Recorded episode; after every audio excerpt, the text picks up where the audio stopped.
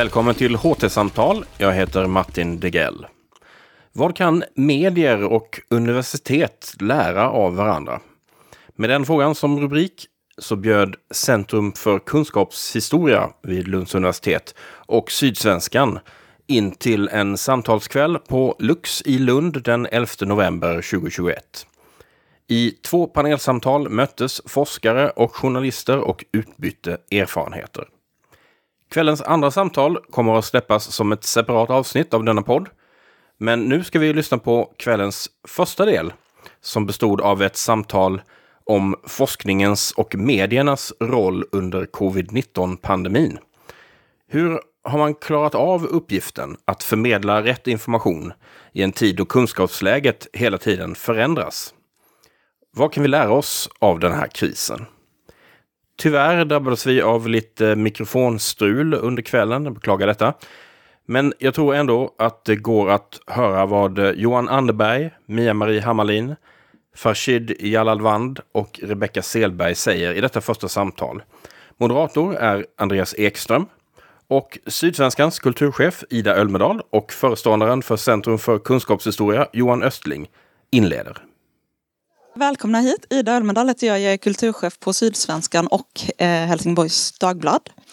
För mig är det här ett eh, stort äntligen och det är väldigt roligt att det är så många här. Ända sedan jag började som kulturchef för ett par år sedan så har jag faktiskt velat utnyttja den här närheten som finns mellan tidningarna och universiteten här i regionen. Så vi ser det här som början på någonting. Men det här hade faktiskt en upprinnelse redan i våras med en artikel som du skrev Johan, som nu också kan presentera dig.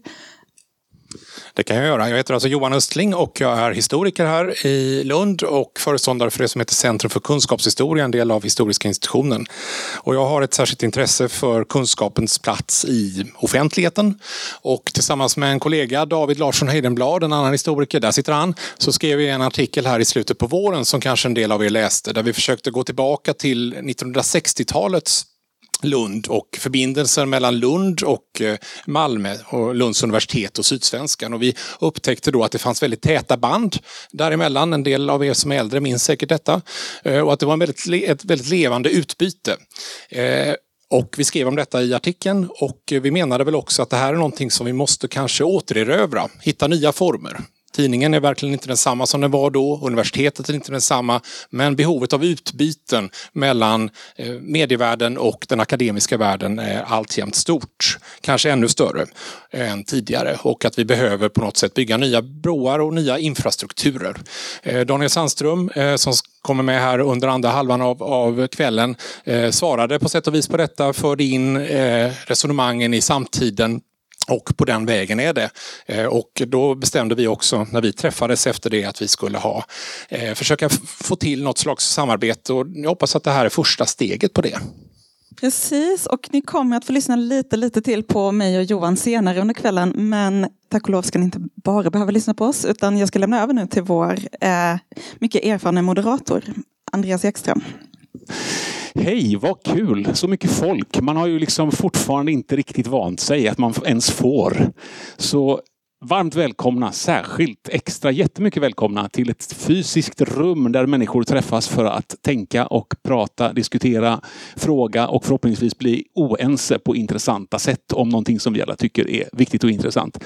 Eh, vi ska börja med att prata eh, corona. Eh, frågan som vi ska ställa oss är om vi har blivit något klokare av den här krisen, den pågående krisen. Vi vet ju att vi inte riktigt är i någon konklusiv fas. Det pågår ju på, på alla sätt. Det pågår medicinskt, det pågår socialt, det pågår eh, massmedialt och i forskningsvärlden så har man ju faktiskt bara börjat. Eh, vi har fyra personer här, inte vilka som helst, som ska diskutera detta med oss. Nu sitter vi här tillsammans för att vi ska kunna få ha en kul diskussion som ni får tjuvlyssna på. Så därför finns det risk att jag till exempel skymmer Johan Anderberg, författare och journalist som vi har här. Han är värd en applåd tycker jag till att börja med. Johan har skrivit en mycket uppmärksammad reportagebok som heter Flocken och som kartlägger den svenska coronastrategin. Han har varit på insidan, han har pratat med folk, han har läst mejlloggar tills ögonen har blivit fyrkantiga. Vi ska få höra mer om det arbetet och vissa slutsatser därav. Sen så säger vi hej till eh, Mia-Marie Hammarlin som vi har här från Lunds universitet som är etnolog och lektor i medie och kommunikationsvetenskap. Farshid Jalalvand, du är vaccinforskare och skribent i Sydsvenskan. Dig har vi sett mycket i medierna på sistone och du är varmt välkommen hit. Sist men sannerligen inte minst så säger vi hej till Rebecka Selberg som är sociolog, genusvetare och du har ju forskat explicit om intensivvårdens covidhantering inom Skånes universitetssjukhus. Kan vi inte, kan vi inte bara börja och få höra lite mer om det? Det är ju, det är ju snabba ryck här att, att titta på detta. Vi har inte hunnit komma så långt än. Forskningen har ju bara hunnit börja i den pågående processen. Vad har du tittat på? Vad har du hittills lärt dig så att du vågar fastslå det?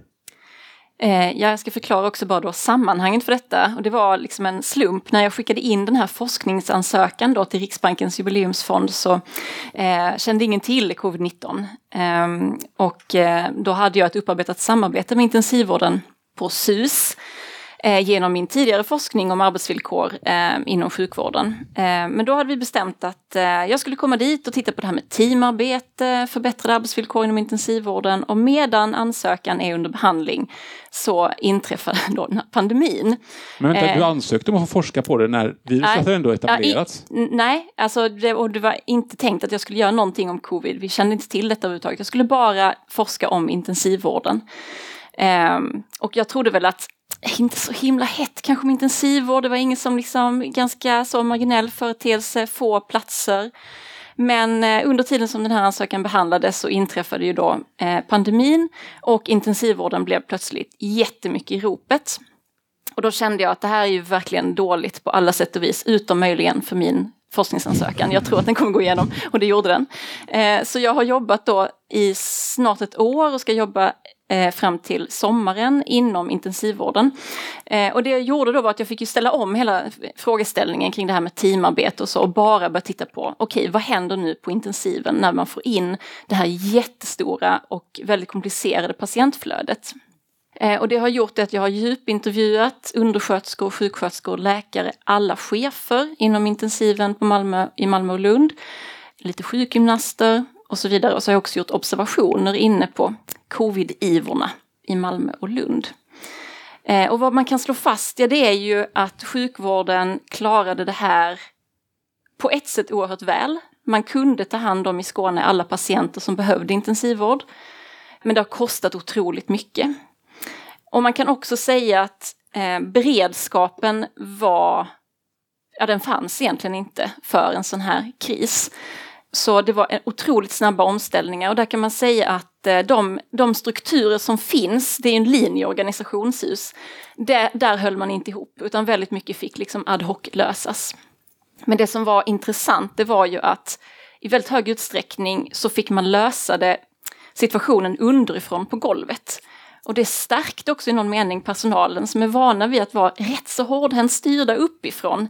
Eh, I New Public Management-idealen som vi har i den offentliga sektorn. Här fick verkligen personalen liksom gå in och, och lösa allt ifrån liksom, hur ska vi rent, var ska vi rent konkret lägga patienterna? Hur ska vi göra med skyddsutrustning? Vad tänker vi? Så det var väldigt mycket liksom analysarbete, högt och lågt kan man säga, som personalen fick lösa. Och det gjorde de bra och de tycker själva att de har lärt sig otroligt mycket. Men de är enormt trötta såklart. Och det som händer nu är att man har en slags empatitrötthet. Empatitrötthet, Ja. förklara. Ja, det, det är ett känt begrepp egentligen inom psykologisk och organisationsforskning. Att människor som jobbar väldigt mycket nära andra människor eh, och som jobbar med att hjälpa andra människor kan, kan känna sig, kan nästan få en slags burnout av att ständigt hjälpa till. Eh, det är en slags eh, ja, känslomässig trötthet helt enkelt. Och där är personalen lite grann just nu. Ja, men vi, har en, är- vi har en begränsad mänsklig resurs. Man, man är, och, och det här är ändå intensivvårdspersonal som kan ha jobbat med de absolut svåraste patienterna sedan 70-talet, 80-talet. De är vana vid att träffa alltid bara väldigt sjuka patienter och deras anhöriga. Men detta har varit någonting helt annat. Nu är man trött. Hur länge till kommer du att hålla på med det här? Vad har du, vad har du för finansiering och vad, vad ska det resultera i? När du Ja, jag kommer vara på eh, IVA, Eh, eller VOIPV som det heter, verksamhetsområde intensiv och perioperativ vård. Man har fått lära sig många coola sådana begrepp nu, vill gärna visa lite. Eh, där kommer jag vara fram till eh, ja, juni. Och sen så kommer jag fortsätta jobba med det här då, forska från min tjänst på universitetet. Och det, kommer, det har redan utmynnat i en ganska så stor rapport som inte är offentliggjord än, men men som jag skriver på, som handlar om hur, hur man helt enkelt hanterade detta kollegialt eh, och organisatoriskt på SUS. Mm. Och den här typen av expertis är ju väldigt efterfrågad. Eh, det kan man ju se väldigt konkret i, i hur, hur bekant Farshid eh, har blivit på kort tid. Du är alltså vaccinforskare, du har skrivit en del i Sydsvenskan, förklarat, berättat eh, och blivit en väldigt offentlig gestalt i den här frågan. Jag är bara först nyfiken, den här plötsliga offentligheten, det är ju ingenting som man kanske som vaccinforskare år 2019 förväntar sig. Men så händer det. Hur har det varit? Jag tänker inte så jättemycket på det. För det, ibland så blir det väldigt nära när, när saker händer och folk kan höra av sig på olika sätt och så. Men förutom det så, i och med att så mycket har skett digitalt så är det mest att jag sitter och pratar med någon på min dator. Och sen så det är inte så att jag är ute så här och träffar många och, eller så. Så antingen ringer de på telefon och journalist som vill ha en studie förklarad. Eller om de vill videointervjua mig så tittar jag i en dator. Så rent så här att man upplever saker har inte mycket hänt. Men sen så märker jag ju att det ringer mig i telefonen och, och så. Det, det, det. Hur trygg är du med att ta den rollen som forskare? Min erfarenhet som många år som journalist är ju att det ibland kan vara svårt att få en forskare att våga kliva fram och säga ja, jag vet detta. När pandemin kom, jag hade skrivit för Sydsvenskan rätt länge om naturvetenskapliga grejer med anknytning till kultur. Och eh, ingen har någonsin frågat mig någonting om vacciner. ingen är intresserad av det jag har disputerat på. Det var allt annat förutom vacciner. Sen så blev det när vaccinerna kom så ville de eh, veta mer om detta och när pandemin kom mer om virus och så. Och i början precis när jag blev liksom uppsatt på listan av experter då var det rätt så extrem situation för att förutom att jag hade hamnat på en personlig plan på listan av experter så var det som eh, samhället var på gränsen på panik ett tag. För det, när typ, folk bunkrade konservburkar och toapapper och det var liksom folk skrek, skrek efter lockdown och stämningen var så eh, intensiv att jag vågade inte riktigt i det stadiet gå ut och säga saker exakt som man tänkte om viss, vissa beslut och så. För då kändes det som allting var liksom på gränsen. När saker lugnade sig lite så var det lättare att framföra kritik och vara, vara säker på sig. Det var också i början när saker hände så tyckte jag så det här är inte en bra grej. Eh, men jag sa det inte offentligt. Men sen så visade det sig att det inte var en bra grej. Mm. Så då fick jag mer självförtroende också att uttrycka, ja, uttrycka en viss kritik offentligt också. När det visade sig att eh, ett par gånger att min intuition hade varit rätt. Mm. Men alltså, det var ju mycket uh, liksom, hetsiga känslor och, och liksom, osäkerhet och sådär. Jag måste fråga Mia-Maria, du håller ju på med ett forskningsprojekt som handlar om Eh, ja, men alltså så säga, vaccin är en foliehattsklassiker. Det vill säga det, det göder konspirationsteorier. Någonting är det med våra berättelser som, som navigerar, som graviterar mot detta. Berätta lite grann vad du arbetar med och hur det här eh, hakar i den frågan vi diskuterar. Ja, jag var lite i samma situation som Rebecka. Så att jag, jag fick Eh, Eh, ett forskningsanslag från Riksbankens jubileumsfond eh, och det fick jag bekräftat 2019. Eh, och där är vi fyra forskare, jag är etnolog och så har vi en sociolog och två språkteknologer. Och då fick vi Anslaget gäller att undersöka vaccinkritik eller vaccinationstvekan i en svensk kontext. Och så började vi forska då på detta eh, första januari 2020. Tre månader senare hände mm. pandemin. Så att ingenstans i vår ansökan skriver vi om pandemin förstås. För det här kände vi ju inte till då. Utan vi skriver fram eh, kritik emot eh, MPR-vaccinen, de här barn Eh, vaccinen och de som ingår i vaccinprogrammen. Vi har sett liksom en, en, ökad kritik, åtminstone i offentligheten, rörande vacciner i Europa. Eh, och även i Sverige. Och sen, sen, kom hela den här frågan att flytta från mässlingsvaccinet eh, och eh, eh en oro för att mässlingsvaccinet ska kunna leda till autism och liknande. Det finns gott om rykten eh, som cirkulerar och har gjort det sedan slutet av eh, 90-talet. Och så flyttade sig hela den här kritiska vaccindiskussionen till covid-19. Så att nu är det ju det i väldigt hög grad som vi undersöker. Och då eh, undersöker vi hur människor uttrycker vaccinkritik i olika forum på nätet. Eh, familjeliv.se och även på Flashback forum. Två väldigt olika forum. Eh, och så träffar jag vaccinkritiker som den etnolog jag är. Så intervjuar jag dem inte bara utan jag har badat bastu med dem. Jag har eh, eh, varit med på en sorts eh, eldritual där vi hyllade Moder Jord tillsammans. Eh, det här var uppe i Hälsingland. Det är vad man kallar för deltagande observation. Exakt, precis. Eh, och, och i, i syfte då att, eh, jag har hängt med på saker eh, helt enkelt och, och, i syfte att försöka förstå hur de här människorna by, bygger upp sina argument och sin världsbild. Och för att få tag i det så behöver man göra mer än att bara sticka under en liksom, mikrofon under näsan på mm. dem utan man behöver intervjua dem. Jag tänkte på det du sa, mm. om jag bara får, eh, för jag har hittat en dansk rapport som jag tyckte var intressant som undersöker de danska mediernas hantering av eh, pandemin och hur de har skrivit om det. Eh, och då är det en, en av deras mest kända virologer som har intervjuats på korsen och, och tvären som heter Erland Randrup Thomsen från eh, Köpenhamns universitet och han säger så här, det står på engelska, vi ska mm. försöka översätta det till svenska.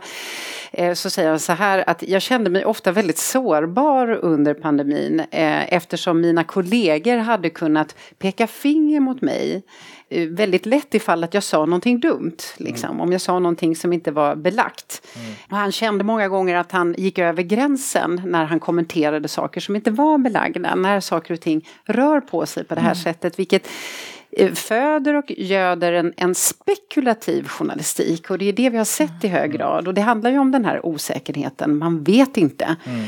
Eh, och, och, och, det är en särskild genre kan man säga inom journalistiken, den här, de här spekulationerna. Mm. Och det var väl delvis det jag tänker att du mm. kanske drogs in i. Ja, det här som man säger, man känner sig utsatt eller mm. sårbar, det, det, stämmer ju för att jag vet om jag säger någonting mm. fel Precis. i medierna så kommer jag ha hundra kommentarer om det inom en halvtimme eller i min mail inkorg. Det här stämmer inte och, och då, då finns det liksom eh, om jag ser fel det, det, finns både de som angriper en från att man är alarmist och sprider mm. oro. Jag minns till exempel när det här med, det, detta var i och för sig inte fel men när delta kom, de första studierna om delta-varianten kom där de visade att vaccinerade personer kan sprida detta. Mm. Och jag sa det i medierna. För det var det litteraturen visade, det var det vetenskapen visade. Så blev jag anklagad för att sprida liksom, oro bland människor. Och, mm. att, eh, och så.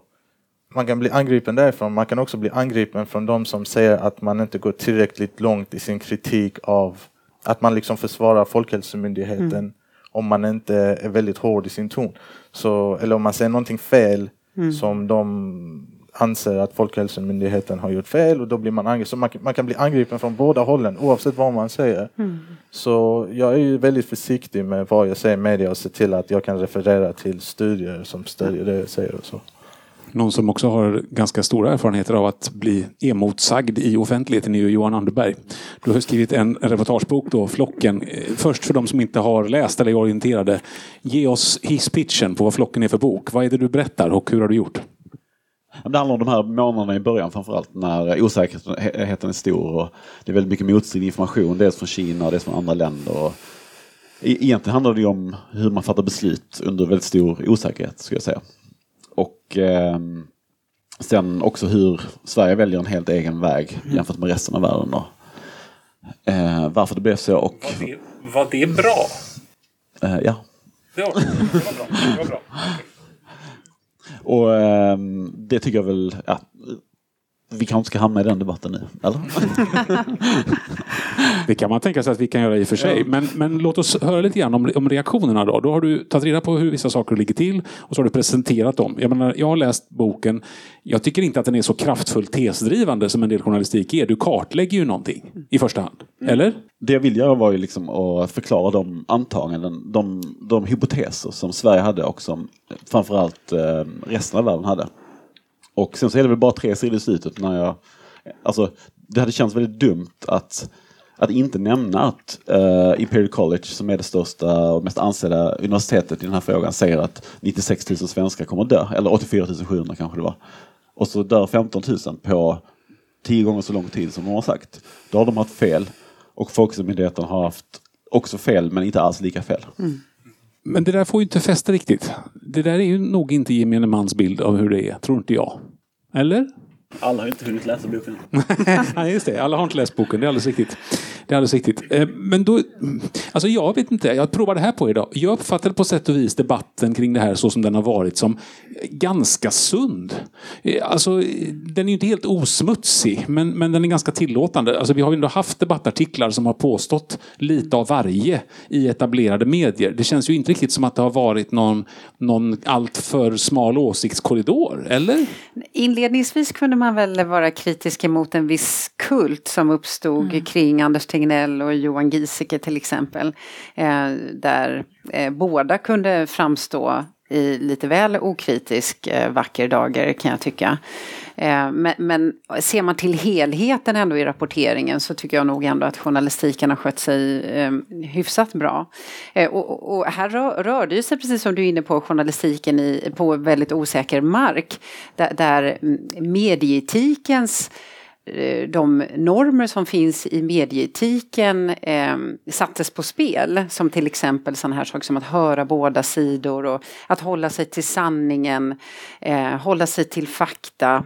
Eh, Även eh, en sån sak som, som hänsyn eh, prövades ju här som ingår i medieetiken eh, och visa respekt för den personliga integriteten. Och då tänker jag på alla reportage man har läst till exempel på just intensivvårdsavdelningar. Så det, det var ju en väldigt delikat situation. Men Jag har ett minne sådär, jag satt och körde bil och så lyssnade jag på radion och så var det typ Studio 1. Eh, och så sitter någon av deras eh, mycket eh, rutinerade reportrar. Eh, det var Monica Saarinen eller Anna Hernek, några av de här kända namnen. Eh, och så är eh, eh, inrikesministern eh, där. Nej, hel- ja. Nu ska vi se vem av dem. Men hur som helst så blev det en, en situation där eh, reporter vill avkräva ministern en garanti för att, men nu, kan du garantera att ingen fler, inga fler kommer dö nu på, äl, äl, inom äldrevården? Och då sitter Hallengren var det, och då sitter Hallengren eh, tyst. Eh, eh och det blir, uppstår en, en, en märklig tystnad i, i studion. Eh, och sen så hör man hur reporten skrattar till. Och sen börjar Hallengren skratta också. Så det blir, det blir ganska varm fin stämning i studion där. Där Hallengren genom sin tystnad pekade på att det du ställer är en fullständigt orimlig fråga som jag helt omöjligt kan svara jakande på att jag ska garantera att ingen ska dö och så vidare. Eh, Det leder oss osökt på, in på en annan fråga, nämligen det om har journalistiken gjort ett rimligt jobb under den här processen? Ja, absolut. Alltså jämfört med andra delar av världen så har ju journalistiken i Sverige varit väldigt mycket bättre i den här frågan. För eh, framförallt när man följer diskussionen i USA och England så, så är den ju väldigt ensidig. Och det var ju väldigt svårt för motståndare till de här brutala nedstängningarna att komma fram. Och det ser man än idag att det, det, var, det var faktiskt bara några timmar sedan så var det den här skådespelaren Matthew McConaughey som hade sagt någonting om att, att han, eh, att han, in, ja, han inte ville ha vaccintvång för barn. Och då anklagas han ju som vaccin, var vaccinskeptiker. Men det är flera lager mellan vaccinskeptiker och att tvinga barn att ta vaccinet. Vaccinpass för barn tror jag. Ja, är det inte någonting som... Men jag upplevde det så här att medierna under första vågen var väldigt hands-off på många sätt. Och jag klandrar inte, det var en observation för ingen av oss hade upplevt detta. En nationell kris. Där potentiellt allas liv, för där i början så började det liksom läcka in rapporter från Italien att de triagerar folk på akuten där. Folk under 60 kan inte få vård. För att det är så, och ingen visste vad som skulle hända här och, och sen så står Tegnell på presskonferensen så man förstår att ingen var van vid den situationen, en nationell kris, visste inte riktigt hur man skulle förhålla sig. När sommaren kom och det dog ner och då var Folkhälsomyndigheten lite för snabba på det och sa att det kommer ingen andra våg, det kommer inte komma någon andra våg. Och när andra vågen då kom så kände jag att det blev någon sorts, att liksom eh, någon ketchup-effekt i medierna. Att de plötsligt var mycket mer granskande, kritiska. Och då blev det att ehm, då blev det mer balanserat. Att det fanns de som försvarade eh, den svenska strategin och Folkhälsomyndighetens linje. Och sen fanns det också de som fick mycket mer utrymme att eh, kri- kritisera det. Som, och det, det tyckte jag det kom där på hösten. Så det, det, har, det har genomgått olika sorters, eh, det har liksom en utveckling av hur media har förhållit sig till. Alltså, Jag håller inte riktigt med om det. För om man ser på de... Ja, för, för om man ser på... eh, Vi, vi har liksom Dagens Nyheter som är väldigt skarpt kritiska till Folkmedel. Så till den grad att en, deras medicinreporter känner sig tvungen att sluta till och med. Och Svenska Dagbladets ledarsida är också väldigt kritisk. Så, så det finns ju helt klart, och Expressens ledarsida också. Så ehm, det finns ju helt klart ett utbyte av idéer här som, eh, som jag tycker är ganska balanserat. Kände du inte att det var någon skillnad i hur media, typ på presskonferenserna under våren och hösten eh, 2020? Det är sant, det, det håller jag med om. Jag, Personligen jag har jag tycker de har varit kassa. Mm. Det var många journalister. Alltså förlåt, avbröt jag. men- Personligen så, så har jag som en, en privat princip att skriver jag till en journalist eh, så ska jag göra det positivt för att eh, eh, berömma henne eh, eftersom de får så fruktansvärt mycket skit och till och med dödshot och allt möjligt nu för tiden. Eh, och sen kan jag kritisera dem hur mycket som helst i mina vetenskapliga texter i en annan, eh, annan femma. Eh, men här skrev jag faktiskt i, i mars eh, 2020 ett, ett kritiskt mejl till Peter Wolodarski rörande hans eh, två eh, söndagskrönikor tror jag det var. För att, eh, jag, jag tyckte att det där var anmärkningsvärt faktiskt. Det här med att på något sätt kräva nedstängning, drastiska åtgärder. På, på, det var inte faktabaserat, det var spekulativt, det var förvirrande, det var känslomässigt drivet. Eh, jag, jag tyckte det var oförsvarligt måste jag säga. Eh, han kallade tjänstemän för arroganta, men jag tyckte nog att han visade upp eh, arrogans själv eh, faktiskt genom att skriva på det. Och det, det är liksom inte vilken plattform som helst som han har och det hade ett stort eh, genomslag. Och han, han blev ju, han fick ju otro, ta ju ot, emot otroligt mycket mejl under den, eh, efter de här två eh, krönikorna han skrev. Och, och då kanske man hade önskat att hur, hur ser den rannsakningen ut nu då? hur, hur, hur tänker han nu? Ska han hur ser han på de krönikorna nu? Det är jag lite nyfiken på. Alltså jag, jag måste säga att jag, jag, det fanns alla, fanns säkert jättebra, jättedåliga och sådär. Men jag, jag känner ändå att eh, den, det perspektiv som jag har saknat, där jag undrar liksom var journalisterna har varit och var de är någonstans, det är ju det som kommer fram nu i till exempel eh, alltså Coronakommissionen. Där man pekar på att för det första så har det varit välkänt att det kommer komma en pandemi. Alltså detta vet, har alla vetat om. Eh, vi hade sars. Efter sars så gjorde det gjordes fantastiskt mycket eh, väldigt bra forskning kring hur ska vi jobba för att liksom bereda oss för pandemier. Det första de forskarna gjorde när covid-19 kom och klassades som en pandemi, det var att snabbt få ut sina artiklar, mycket, mycket, mycket snabbt, i sina preprint-versioner och så. Mycket enkelt uppsatt, det här lärde vi oss efter sars. Det här behöver vi göra. Eh, den här, den här kunskapen fanns. Det vi ser nu, det visar sig att MSB, Folkhälsomyndigheten, en massa, massa myndigheter satte upp pandemi som ett hot. Hade noll egentligen idéer om hur man skulle sköta en sån pandemi. Vi har vetat att det finns inga som helst marginaler i sjukvården. Vi har ingen som helst planering för, vi har en av liksom, Europas liksom, eh, sämsta marginaler för intensivvård. Vi har väldigt, väldigt få platser, intensivvårdsplatser. Man har väldigt länge velat ha fler specialistutbildade sjuksköterskor. Detta har man inte lyckats lösa. Mm. Vi har vetat att eh, vi har redan från början alldeles för få intensivvårdsplatser. Det kan man se därför att vi har en rotation på intensivvårdspatienter mellan olika eh, sjukhus i Sverige. Därför att ingen intensivvårdsavdelning kan liksom egentligen i över ett års tid ta hand om alla som vi har under den vanliga perioden. Detta är också känt. Mm. Den här informationen finns.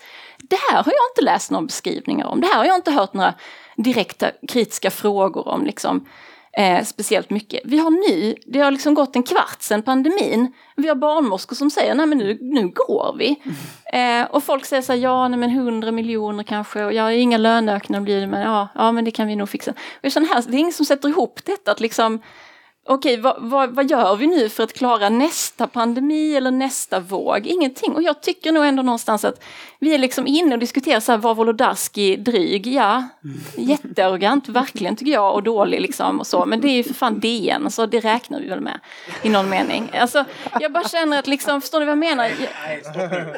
Stopp, stopp. Oj, får man inte vara taskig mot DN? Du var, nej, men du var, du var slängig i din kritik mot medierna. Det är onödigt. Nej, men jag, jag tycker att detta är... Dåligt, men vi kan inte förvänta oss generellt sett dålig journalistik från DN. Det tycker jag är fel. Nej, det tycker jag inte heller. Men jag menar att deras ledarskribenter har en viss liksom... Det stora problemet här Det, det tycker jag är helt okej. Det stora problemet Alltså. här är ju att Peter Wolodarski är samtidigt ansvarig utgivare och deras tongivande ledarskribent. Det är inte en bra ordning. Det är en annan debatt. Ja, men det, är- ja, det, jag, jag, jag tycker liksom att, jag, jag, för, för min del kan jag tycka att okej, liksom, DN har den, den svansföringen. Jag vet inte, jag, jag, utifrån att jag står på tillsammans med liksom undersköterskor och sjuksköterskor på IVA. Förstår du vad jag menar? Jag tycker så här, ja men det är säkert det är ett jättestort problem. Alltså jag kan verkligen köpa det och det kanske är slängigt. Men förstår ni vad jag menar? Alltså det är liksom... Men det är intressant. eh, Alltså, det är intressant. Men det låter som att du mer vill ha en... En, eh, en större välfärdsstat. Och det är en helt annan diskussion. Och jag känner på något sätt att Men hur är det en helt annan diskussion? Jo, för alltså, väldigt mycket av kritiken mot Fol- Folkhälsomyndigheten, den påminner om om vi så helt plötsligt skulle bli invaderade av ryssarna och så har vi lagt ner försvaret och så helt plötsligt skyller vi allting på den person som råkar vara ÖB just då. Då är liksom, ligger, vad, ligger problemet hos honom eller hos liksom 20 år av politiker? Nej, fast där håller inte jag med dig för, eh, för jag tänker på något annat, nämligen krisberedskap. Jag Ja. menar, här, pekar du mot någonting som faktiskt går, en kris som går att förbereda sig för. Och är det, är, det någonting vi har haft några nationella trauman kring så är det ju just vissa kriser. Estonia-katastrofen, eh, tsunami-katastrofen. Jag har forskat under lång tid om skandaler eh, och eh, bland annat om eh, hanteringen eller behandlingen av Lars Danielsson, tjänsteman eh, Göran Perssons högra hand vid den här tiden vid tsunamikatastrofen 2004 och på sättet han blev en syndabock och hur hela den skandalen avslöjade just bristerna i krisberedskapen. Och, och en pandemi är som du säger, vi vet att den kommer. Och då skulle man ha kunnat förbereda sig eh, bättre för hur man ska hantera den. Om, eh, anledning av det ni tar upp här, det är att om man ser vi, vilka länder som klarat pandemin väldigt bra, så det är de som drabbades av sars. För de lärde sig, liksom de här sakerna måste vi göra, vi måste ha smittspårning snabbt, isolera. Det är klassisk eh, smittskydd. Men de hade man ju kunnat lära sig av om man hade varit lite vaken. Precis. Vänta, vänta, vänta. Så när, när pandemin kom, de hade erfarenhet från sars och så vidare och de införde det. För mig kändes det lite som att i och med att sars dog ut där borta, mers dog ut där borta, eh, de här utbrotten dör bort där borta, så har man haft en teoretisk pandemi som kanske kommer någon gång. Men man har aldrig egentligen trott på att pandemin kommer. Man har inte trott på det tillräckligt mycket att man har åkt till Sydkorea. Hur gjorde ni för att stoppa detta? Och liksom när sars kom, vad, vad, vad, vilka lärdomar tog ni av det och sånt? För då man trodde att det inte skulle komma hit och på ett sätt är det svårt att klandra. Det är lätt att sitta här med facit i hand och säga jag var så dumma som missade detta. Fast man måste säga att detta har inte hänt. Ingen här levde sist detta hände. Så det är så himla osannolik grej. Man vet att det kommer komma, men det är ändå osannolikt. Jag tycker det finns en viss arrogans i att avfärda vad andra länder gör, eller andra länder, vilka lärdomar andra länder har lärt sig från sina utbrott och säga att ja, ja, men det där med munskydd och smittspårning och testning och isolera och sånt, det, det Okej, men alltså, all, all, alla de här människorna, de var ju i Kina. Alltså det stämmer inte att de inte var där, de var i Kina och såg vad de gjorde. Men det bedömdes som för eh, kränkande, den här behandlingen. Kina, Sydkorea, Japan, andra länder som De har inte varit i gjorde- de länderna också. Ja men de, de gjorde inte som Kina. Att de eh, typ, militären tog ut folk ur byggnaden och kastade in dem i De har ganska kränkande behandlingar i de här länderna också. Och ehm, Un- Under den här tiden så sa man ju att till exempel vissa delstater i USA hade lyckats med den sydkoreanska vägen. Det gjordes långa reportage om Wisconsin och Minnesota om hur de liksom testade alla och, och sen bara tjoff säger det och så har de fler döda än Sverige. Då måste man på något sätt falsifiera den här tesen att smittsmålning och munskydd funkar så himla bra. För om, om det finns 43 delstater i USA som har gjort precis det här, som har högre dödstal än Sverige. Kan vi lära oss någonting av det då? Nej. det kan vi inte. Vi kan du, alltså, att jämföra USA med Sverige är rätt Kan vi så... jämföra Frankrike, Holland?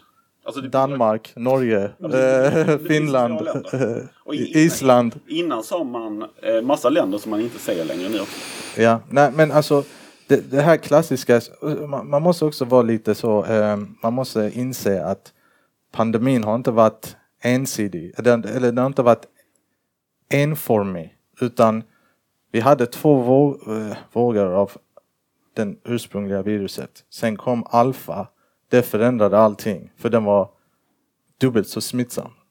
Så att säga eh, eh, eh smittskydd, eh, de som drabbades av alfa att, eh, att smittskyddsåtgärder inte fungerar för att alfa är mer smittsam, är inte riktigt korrekt. Sen kom delta som är dubbelt så smittsam som alfa. Och då är det då de metoderna vi har för smittskydd det sätter upp hinder för vägen för viruset. Det är inte någonting som kan stoppa upp allting. Så jag menar man, får, man måste ta hänsyn till de sakerna utvecklingen av pandemin har varit. När man, när man diskuterar vilka åtgärder som är effektiva och inte.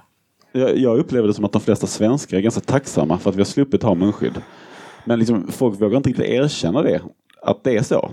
Det, det är nog många som är rätt otacksamma att vi, vi inte har haft munskydd också. Till exempel de som hamnar på IVA kanske. De är nog inte så tacksamma I för... USA har ju alla barn munskydd nu. I skolan. Vill du att det ska vara så?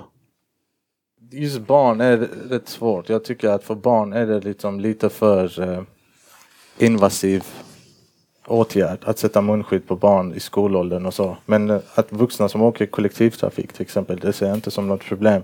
Sen, Så- Men har ju även du valt dödsfall mot... Bekvämlighet. För då tycker du att det är värt en viss ökad smittspridning för att barn ska slippa ha munskydd? Alltså jag säger inte att man ska göra vad som helst för att stoppa smittspridning. Nej. Ja, Jag säger inte att, ja, jag säger inte att man ska, det som någon sa, låsa in folk i källare i 18 månader för att stoppa smittspridningen. Det tycker jag inte är rimligt. Det måste finnas en rimlig balans. Men att vuxna ska ha munskydd på kollektivtrafik tycker jag inte är någon sån eh, point of conflict, liksom att man ska göra en stor grej av det. Jag lekte med tanken sådär eh, precis i början av, av pandemin. Men tänk om de gjorde nu eh, eh, som journalisterna på något sätt verkade vilja eh, genom att då på något sätt representera folket genom sina kritiska frågor mot experterna. Tänk om de bara införde alla de där restriktionerna som, som låg liksom antingen uttalat eller underförstått i de kritiska frågorna. Varför gör inte Sverige mer? Ja, men då hade det ju blivit kaos eh, direkt. Då hade de ju fått exakt samma kritiska frågor men va- på grund av att de hade fört in munskydd, fört in restriktioner, stängt avdelningar, eh, Det- tvingat det- oss vara hemma och så vidare. Eh, Jag tänker bara på hur journalistiken hade skildrat det här. Men det är deras jobb. Eller De hur? måste ju ställa kritiska frågor Jo, oavsett men, vad myndigheterna men just väljer. i det här fallet, och så är det ju alltid, liksom, det är helt naturligt, det är journalistens roll. Liksom. Men jag, jag, jag kunde inte annat än att, att liksom, tänka den tanken att det hade blivit eh, lite absurt på något sätt eftersom det här är en så otroligt speciell situation som kräver eh, mycket särskilda åtgärder och vi, vi kan liksom inte jämföra det med någonting annat som vi har upplevt eh, tidigare. Ja, det var bara Många av en de, många av de reflektion. här åtgärderna vi diskuterar infördes i Sverige. Mm. Det är inte som att eh, vi inte gjorde det. Nej. Utan vi gjorde det sent. Mm. Men det var ändå hela tiden sådär, varför gör vi inte mer? Varför Mm. stänger vi inte ner mer? Da, da, da, da. Och så tryckte man på, okej, det kanske inte, det kanske inte fanns något annat sätt att, att, att göra det på, men om man nästa dag hade stängt ner så Mm. hade man fått exakt samma frågor men, men åt andra hållet. Vilket, vilket visar ändå, på ändå journalistikens lite eh, knepiga roll i det här Jag tycker det intressanta här är det att vi hamnar, liksom, vi fortfarande diskuterar på något sätt munskydd till exempel. Det blir en jätteviktig fråga, man pratar om det och så, munskydd, ska vi ha munskydd eller inte munskydd? Så kan man ha lite olika synpunkter så på det. Och jag, och, jag vet inte om, om, om ni har läst till exempel Statsvetenskaplig tidskrift, den läser väl alla? Den är väldigt spännande, ni vet ju, den är jättekul tid, tidskrift. De har ett temanummer om, eh, om covid, det kan man ladda ner gratis på deras hemsida då. Eh, jag tror det är 500 sidor, så statsvetenskaplig prosa om corona. Och, och där är det ju ingen, inga artiklar som handlar om, om eh, munskydd, utan, utan där är det just det här, men okej, hur hanterar stater kriser? Hur ska vi betrakta den här krisen som vi i och för sig har vetat ska komma för att vi, vi hade vi liksom de myndigheter, relevanta myndigheter som ringade in de åtta stora konkreta hoten mot eh, den svenska säkerheten. Där satte man just en pandemi på den listan. Så även om man liksom inte, vi har inte upplevt det, då är det svårt att sätta sig in i det, men vi har ändå kunnat identifiera att av åtta grejer så är detta en av de grejerna. Och så försöker man liksom diskutera dem. Hur kommer det sig då att vi inte hade bättre liksom institutionell förberedelse på detta? Och då diskuterar de det på en massa, massa, massa olika sätt såklart som statsvetare gör. Med boxar och sånt är det mycket de gillar att sätta in saker och visa och illustrera. Men det är väldigt, väldigt liksom intressant eh, om man tittar liksom både så hur, hur man funkar i organisationer och liksom vilka mekanismer som uppstår. Och, och då säger de att ja, men det här är en ganska klassisk smygande kris. En smygande kris Eh, det, det är liksom en kris som vi vet att den ska komma. Men särskilt om den har sitt ursprung någon annanstans, då har vi en tendens att förlägga den till där och sen. Och det gjorde man väldigt mycket i Sverige. Man la den där och sen. Och det gjorde man också på sjukhuset väldigt länge. För väldigt många av, eh, cheferna framförallt så tänkte man att ja, men, det här med corona, ja, men det, det är ändå fortfarande bara i Kina. Och ja, nu är det ju Italien, nu är det rätt mycket närmare. Vi tänker ändå att det inte kommer hit. De är eh. inte så bra på smittskydd i Italien. Nej, men, så det kommer nej, inte ja, komma hit. Man hade det och, man, och väldigt mycket så här, det är en helt annan befolkning i Italien. Helt annan befolkningsstruktur. Hur menar du då? Ja men de är ju mycket äldre än oss. Tänk mig, är de eh, italienarna äldre? Ja, liksom. Stannar det där lite. du, du snackar utifrån en premiss som inte gäller längre. Alltså, Sverige har ju klarat sig bra. Det är väldigt få länder som har färre dödstal än Sverige har. Mm. Ja, men, Okej, okay, ja, men det, det, kan jag tycka så. Om vi mäter dödstal. Det, det är som att vi sitter här som eh, massa italienare och förklarar varför det gick så dåligt för Italien i fotbolls-EM. Alltså, det är klart att om man är jätte, jätteintresserad av fotboll så är det klart Alltså jag är helt problem. ointresserad av fotboll Nej, så allt som handlar om fotboll, det funkar inte. Eh, men, men liksom, ja, okej, okay, men det som jag försöker göra här det är att säga så här, vi kan absolut diskutera det gick jättebra för Sverige. Eh, det gick inte jättebra för Sverige om du liksom behöver söka vård just nu för då är det liksom... Eh, då är det svårt. Jag förstår att man kan säga att ja, men det gick dåligt på annat sätt. Men vi måste ju ändå lära oss någonting av den här krisen. Vi kan inte, tycker du att vi ska säga som du läser Coronakommissionen, det är liksom tusen sidor som visar att det gick inte speciellt bra i äldreomsorgen. Det gick inte det var ganska tufft inom intensivvården. Ja, men jag tycker att Coronakommissionen är lite hafsigt gjord på sina ställen. För det finns extremt mycket de utelämnar. Som, eh, som man, dels som man faktiskt gjorde men också de här eh, tidiga veckorna. Så där liksom de har fått information. Alltså det, det stora informationsunderläget var ju i förhållande till Kina till exempel. Och när de säger att Danmark och Norge gjorde, gjorde vissa grejer. Då vägrar de erkänna att det finns jättemycket målkonflikter med de här åtgärderna de gör. När de stänger skolor och när de eh, liksom förstör småföretagares liv och sådär. Så det, det känns som eh, ett, eh, jag tycker det känns som ett väldigt konstigt hafsigt debattinlägg nästan bara. Coronakommissionen. Coronakommissionen. Jag var så protestera mot det. håller jag inte med om. Vet ni vad? Vi har, vi har ställt frågan, blev vi klokare av coronakrisen? Ja, vi har i varje fall fått fler saker att tänka på. Det vågar jag lova under de här 45 minuterna. Eh, tack så hemskt mycket för denna början till en diskussion. Det är precis så som en bra kulturartikel och ett bra akademiskt seminarium ska fungera. Det tar inte slut när det tar slut, utan det börjar då. Vi eh, tackar så väldigt mycket Rebecka Selberg, Farshid Jalarvand, Mia-Marie Hammarlin och Johan Anderberg. Tack ska ni ha.